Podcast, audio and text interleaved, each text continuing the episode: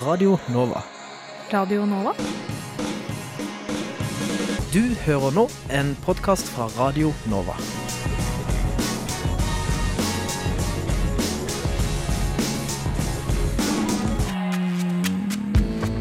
Det Og ja, eh,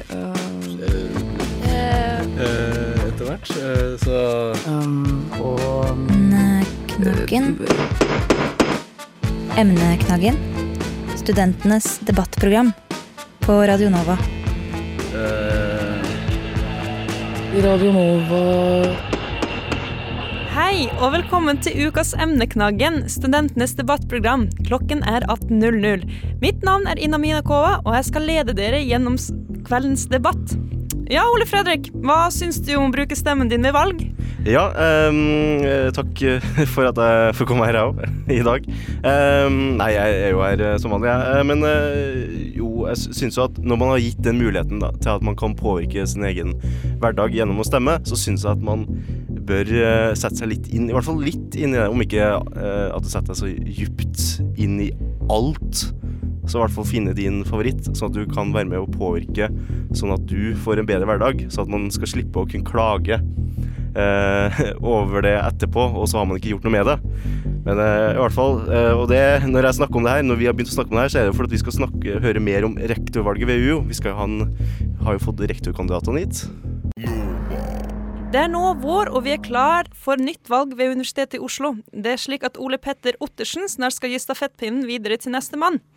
Og det er studenter og ansatte ved UiO som får bestemme hvem det blir ved årets rektorvalg i april. Vi har derfor invitert Svein Stølen, professor i kjemi, og Hans Petter Graver, professor i juss, til emneknaggen. Velkommen skal dere være. Tusen takk. Og så tenker jeg at vi skal starte med dagens store tema, for det er jo slik at det er kvinnedagen i dag. Og jeg tenkte vi skulle innom det her temaet. I valgprogrammet så snakker dere om litt sånn forskjellige ting, bl.a. blant annet om rekruttering og studenthe sånn kvalitetshevning, men det er ikke så veldig mye fokus på eh, spesifikt kvinner, da. Og da er det det jeg lurer på. Eh, har likestillingen kommet så langt at vi ikke trenger direkte å fokusere på å heve kvinneandelen i eh, høyere posisjoner ved akademien? Nei, det har den ikke. Og det er fortsatt eh, en eh, veldig viktig oppgave eh, for universitetet og for ledelsen på universitetet. Og, og det ser vi jo både i at kvinneandelen synker når man kommer oppover i, til professornivå, og vi ser det også blant lederne. Så dette er fortsatt en veldig viktig oppgave. Vi har jo en del utfordringer i så måte. Ja. Vi vet jo nå at det er ikke noen kvinnelige rektorkandidater. Vi vet at syv av åtte dekaner er menn. Vi vet at lederne for de store tverrfaglige satsingene er menn. Så vi har et, en vei å gå. Jeg leder likestillingsarbeidet ved Matnat-fakultetet. Og det er jo en av de fakultetene som virkelig har en utfordring, hvor vi etter hvert har like mange kvinner som menn som studenter. Men prosentandelen kvinner i professorstillinger er jo så lavt som 20% Så vi jobber ganske hardt for å øke den med konkrete tiltak for å hva skal vi si, eh, understøtte kvinners mulighet til å komme fram mot hva skal vi si, alle synlige og usynlige hindre som vi vet eksisterer i akademiet. Hvilke konkrete tiltak er det? Nei, En av de viktigste tingene vi gjør nå, det er å være veldig opptatt av hvordan stillinger lyses ut. Når stillinger lyses ut, så må det tas inn i ledelsen på hele Matnat. Instituttlederen må da redegjøre for hva som finnes av mulige kvinnelige kandidater. De må redegjøre for hvordan de lager søkekomiteer som ser etter kandidater. Og så må man også redegjøre for det i alt papirarbeidet fram til endelig tilsetning. Og Hvis du ikke har kvinnelige kandidater, så, så får du ofte litt om. Da må du tilbake og jobbe litt videre og se på hvordan det lyser ut osv. Så, videre. så vi tror på, på det å, å jobbe ganske aktivt for å få det til. Enn du, Hans Petter, hvordan ville du ha gjort det? Det Svein sier her er jo viktig, men jeg tror kanskje hovedproblemet er at eh, mange kvinner velger bort universitetet på et tidligere nivå. Altså de hopper av etter eh, at de er ferdig med doktorgrad, eller eh, kanskje særlig da, og etter postdoc. Eh, Så derfor så tror jeg at det vi har sagt om at vi skal redusere midlertidigheten når det gjelder ansettelser, er viktig. Fordi det viser seg at Kvinner, unge kvinner, eh, de søker eh, trygghet i arbeidssituasjonen i større grad enn menn. Eh, Og så får mennene som da tar disse midlertidige stillingene og postdoc-stillinger, et forsprang rent sånn vitenskapelig. Så det, det er en, et, et grunnleggende strukturproblem. da. Og så tror vi også det er veldig viktig å i de unge rekruttene, altså til stipendiatene og postdokene, eh, å ha tilbud om eh, systematisk karriereplanlegging og, og lederopplæring allerede på det nivået. Og, og, det tror vi vil være også en vil styrke kvinnene i konkurransen. Jeg tror det er viktig at kvinner ses. Så vi er jo helt enig. Redusert midlertidighet er et mål. Vi er også opptatt av å se kvinner. Så på et av våre institutter så hadde de f.eks. funnet gjennom en prosess åtte kvinner de ville følge opp spesielt. Mm. Og det å bli sett, og det å bli fulgt opp, det å få de hva skal vi si, karriererådene, den coachingen du trenger for å lykkes, er viktig. Mange av disse kvinnene er nå i faste stillinger, og vi tror på slike konkrete tiltak. Mm. Men uh, det, det, er også slik at det er flest kvinner som uh, studerer. Um, er det noe dere syns er viktig å, å, ved, ved å prøve å jevne ut det her litt mer? At det kommer flere også mannlige studenter? At det blir likestilling der òg? Altså, jeg syns ikke det er av de største problemene. Eh, det er klart at eh, i noen fag, eh, særlig profesjonsfag og sånn, så tilsier samfunnsoppdraget vårt at vi bør sørge for at ikke det bare blir mannlige eller bare blir kvinnelige yrkesutøvere innenfor den profesjonen. Og, jeg tror at her har vi en god mulighet i det som eh, kvalitetsmeldingen for eh, høyere utdanning åpner for, at vi kan også ta opp studenter på grunnlag av andre ting enn bare ved å se på karakterer i samordnet opptak. Slik at man til en del av disse studiene kanskje bør ta opp en andel av studentene ut fra motivasjonsbrev og intervjuer osv. Ikke for å favorisere gutta eller jentene der hvor det er dårlig kjønnsbalanse, men, men, kanskje særlig fordi at vi vet at når det gjelder bare karakterer, så, så er det flere kvinner i det absolutt øverste sjiktet. Slik at eh, når man bare legger vekt på karakterer, eh, så er det flere gutter som faller igjennom. Du stiller deg eh, helt enig der, du òg? det, det, er en utfordring på enkelte fagområder hvis det blir for skjevfordelt. Ja. Og vi ser jo i dag at på psykologi for eksempel, så er det en sterk kvinne, øh, si, overskudd av kvinner. Hvis vi går til informatikk, så er det det motsatte. Og jeg tror at en sånn fordeling er uheldig, for det betyr også hvordan du utvikler et fagfelt, og det påvirker hele samfunnet. Eh, akkurat hvordan vi skal gjøre det, tror jeg vil, vil, vil være litt uh, tilbakeholden med. Jeg tror jo på, på hva skal vi si, forsiktig i, hva skal vi si, mm, på ellers like vilkår å kvotere. Uh, men utover det så tror jeg jeg vil avvente litt og se hvordan vi skal gjøre det for øvrig. Ja, Da skal vi straks bevege oss videre i emneknaggen. Da er vi tilbake i studio sammen med Svein Støren og Hans Petter Graver, de nye rektorkandidatene som skal få lov til å stemme på eller dere skal få lov til å stemme på i eh, begynnelsen av april. Alle studenter og ansatte ved Universitetet i Oslo. Oss også, jeg og du. Ja, det er bra du korrigerer meg. så eh, ja, da skal vi bevege oss på vårt eh, neste tema, og det er med utdanningskvalitet. Og det jeg lurer på, det er jo en av de um, tingene som det har vært fokus på, det er at studentene skal få en automatisk begrunnelse. Og der har dere vært litt uenige. Så hvordan stiller dere dere til akkurat denne saken? Altså, vi har jo gått ut med at uh, vi mener at uh, studentene bør få en automatisk tilbakemelding med en uh, begrunnelse for den karakteren de har fått til eksamen. nå ser vi dette som ledd i en større sammenheng, hvor vi ser det både i, i sammenheng med digitalisering av eksamen og dette Eh, pålegget som er kommet i studiekvalitetsmeldingen om å utarbeide sensorveiledninger på alle fag. Eh, og når man tar disse tingene sammen, så tror vi at eh, for det første at det vil bli enklere å, å gi begrunnelser, forståelige begrunnelser, når man ser kombinasjonen mellom det sensor sier og sensorveiledningen. Eh, og eh, vi tror at det også vil øke kvaliteten i sensuren, fordi at man da vil kunne standardisere på tvers av uh, hele sensorkorpset. For i dag er det jo unektelig slik at der hvor det er innslag av vurdering, og det er det jo veldig ofte når man skal sette en karakter, så kan det nok være litt avhengig av hvem det er som sensurerer hva slags karakter man får. Vi, vi, vi har nok tenkt at det er snakk om hvordan vi bruker de totale ressursene. Vi skal utvikle studieprogram som er gode for studentene. Det viktigste de får, det er tilbakemelding underveis i studiet. De må følges opp underveis i studiet. Så må vi ha en helhet på studieprogrammene som gjør at, at de utvikles som studenter. og da tenker vi at dette blir liksom, hva skal vi si, en, en, liten del av en totalitet. Derfor så sier vi ikke uten videre at vi vil garantere at alle får automatisk begrunnelse, men vi sier at det er interessant å følge hvordan det utvikler seg. Noen gjør jo dette allerede i dag med suksess. Andre fag så er det kanskje ikke nødvendig, og da tror vi heller ikke nødvendigvis at vi skal gjøre det. Derimot, det å jobbe med utdanningsledelse, det å utvikle programmene, tror vi er viktig. Og det er der vi ønsker å sette hovedressursene inn. Men for oss er det altså et uh verdistandpunkt og lytte til det studentene sier at det er deres hovedkrav.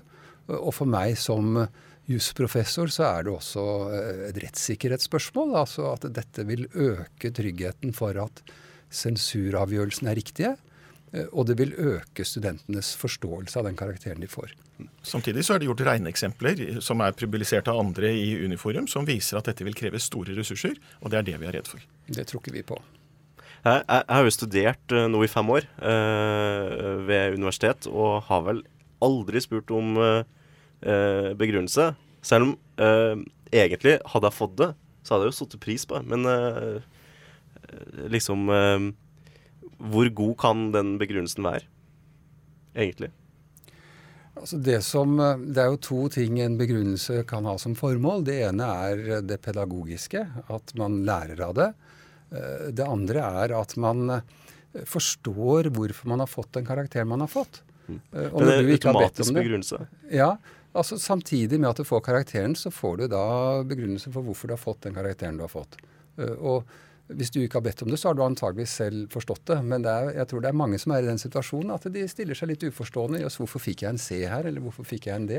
Men de som har forstått det, de trenger jo ikke da en begrunnelse heller. Og da er jo spørsmålet ressursbruken i forhold til en sånn ting. Jeg tror igjen at det viktige er at du får tilbakemeldinger underveis. Jeg kommer fra et fag hvor det er vant til å ha stor vekselvirkning med studentene. Det er obliger, det er øvelser, og der har du hele tida en dialog som gjør at studentene vet omtrent hvor de er før eksamen. Det er mye viktigere. Det er der vi tenker også at en del andre fag kanskje har noen utfordringer vi må fokusere på. Jeg føler jo personlig at uh, det å få en tilbakemelding hjelper veldig på, men samtidig så ser jeg at det er ikke alle som har like, de samme verdiene sånn som jeg har. Men den uh, tilbakemeldingen den er bare noen tastetrykk unna. Så hvis istedenfor at 240 skal få det, så kan jo de åtte stykkene som har lyst på det, uh, ta og klikke seg inn. så sparer man jo ressurser der òg. Hva, hva tenker du? Det er jo tidsbesparelse. Nei, altså Hvis det er slik at den bare er noen tastetrykk unna, så er det jo ikke noe mer ressurser eh, som kreves for å gi det til alle. Så det er jo ikke det som er situasjonen. Situasjonen er at den begrunnelsen ofte må produseres på forespørsel, slik som det mye er i dag. Men det er det jeg sier, at man må se dette i sammenheng. Bare, det er ikke bare snakk om begrunnelse, det er snakk om digitalisering av eksamen. Altså man går over fra at sensorene leser det dere skriver for hånd, til å lese maskinskrevne ting. Det sparer sensoren for mye ressurser. De kan legge inn kommentarer underveis mens de leser digitalt, som kan brukes til å generere begrunnelser. Eh, eksamensadministrasjonen i dag. Så alle disse tingene gjør at regnestykket, eh, slik som vi ser på andre deler av forvaltningen, vil ikke bli sånn at dette totalt sett krever mer ressurser. Tvert imot vil vi spare på disse tiltakene. Og det kan jeg, det kan jeg forstå, fordi min håndskrift, den, eh, den er fæl. Ja, det er slik at du hører fremdeles på Emneknaggen, og vi tenker å fortsette praten i studio sammen med rektorkandidatene Svein Støren og Hans Petter Graver. Og Emneknaggen har eh, fortsatt besøk av rektorkandidatene Svein Støren og Hans Petter Graver. Og jeg tenkte vi skulle gå litt over på den forskningsdelen. Og bør det være en kortere karrierevei for å bli forsker, og hvorfor det?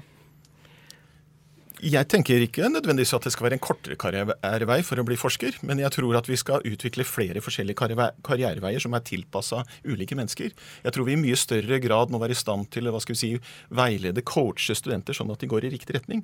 Det er et antall som skal gå mot akademia, men vi utdanner langt flere enn det antallet som skal gå mot akademia. De aller fleste skal inn mot næringsliv, forvaltning osv. Det å hjelpe de i den retningen tidlig tror vi er svært viktig. Så vi skal absolutt eh, utvikle nye forskere, men vi skal også utvikle folk for samfunnet generelt. Det er jo det viktigste vi gjør.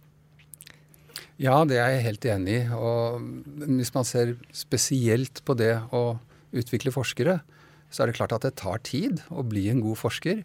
Eh, I dag er det jo slik at man begynner på et doktorgradsprogram etter eh, master, og, det skal ta tre år. Og så er det ikke lenger slik at det er så å si toppen på karrieren. Det er bare begynnelsen. ikke sant? Da har man lært å forske.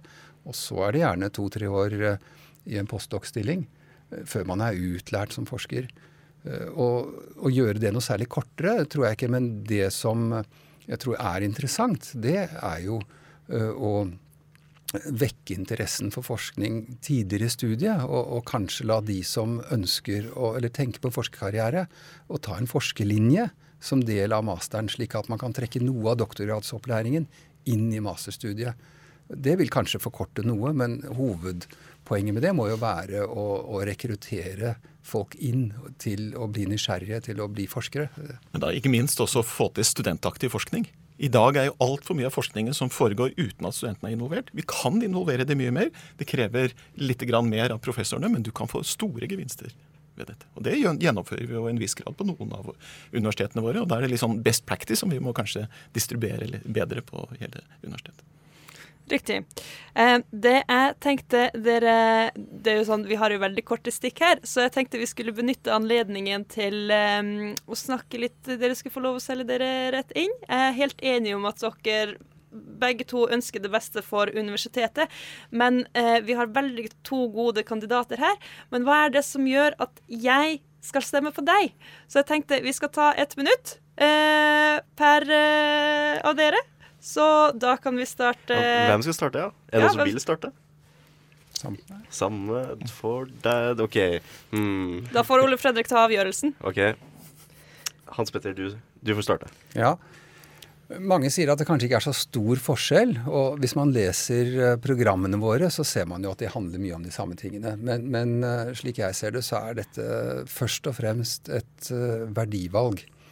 Vi har sagt veldig tydelig at eh, det som er eh, det viktige for oss, det er menneskene som er ved universitetet. Både studentene og de ansatte.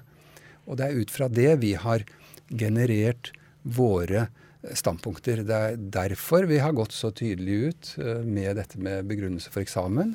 Og det er derfor vi har gått så tydelig ut med dette med at vi skal eh, få bort midlertidigheten i prosjektfinansiering. Eh, Det handler om å ta vare på menneskene og lytte til dem. eh, Og å ha en inkluderende ledelse. Og jeg tror det er det som eh, vi går til valg på, og det er derfor dere bør stemme på oss. Flott.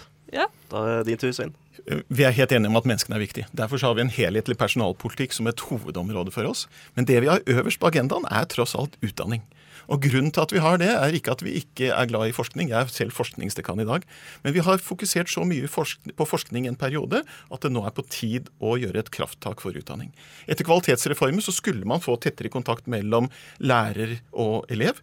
Det har kanskje ikke kommet helt dit det skal. Derfor så ønsker vi å jobbe steinhardt for å få utdanningen opp på et nytt nivå. Og så har vi en fordel. Vi har nemlig et ganske bredt team som består av en dame som er professor i fransk litteratur, en dame som er professor i statsvitenskap, en mann som er professor i medisin, og en fra realfag. Så vi tror noe på å ha denne bredden i teamet er veldig viktig når vi skal utvikle et heterogent universitet videre. Det er ikke one size fits all.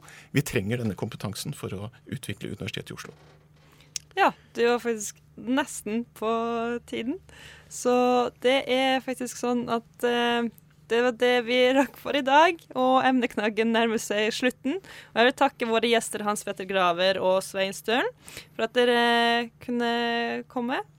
Um, og da er det jo Det er jo de to du kan stemme på i valget mellom hvem som skal bli rektor ved Universitetet i Oslo. Eh, om du er student eller ansatt der. Eh, så dere får lykke til med det. Tusen Takk det. Tusen takk. Det blir en hard kamp. Det gjør det. Mm. Det er én hard kamp. Den har jo starta Det er en haugkamp, helt klart. eh, Nå eh, kan vi ikke snakke mer, dessverre. Så eh, vi ja, Vi må huske å si at eh, de må følge oss på Facebook og sånn. Ja, dere Ja. må følge oss på Facebook Eh, og Studentnyhetene. Og sjekke ut podkast på Soundcloud og iTunes. Gjør det. Gjør det. Du har hørt en podkast fra Radio Nova. Likte du det du hørte? Du finner flere podkaster i iTunes og på våre hjemmesider radionova.no.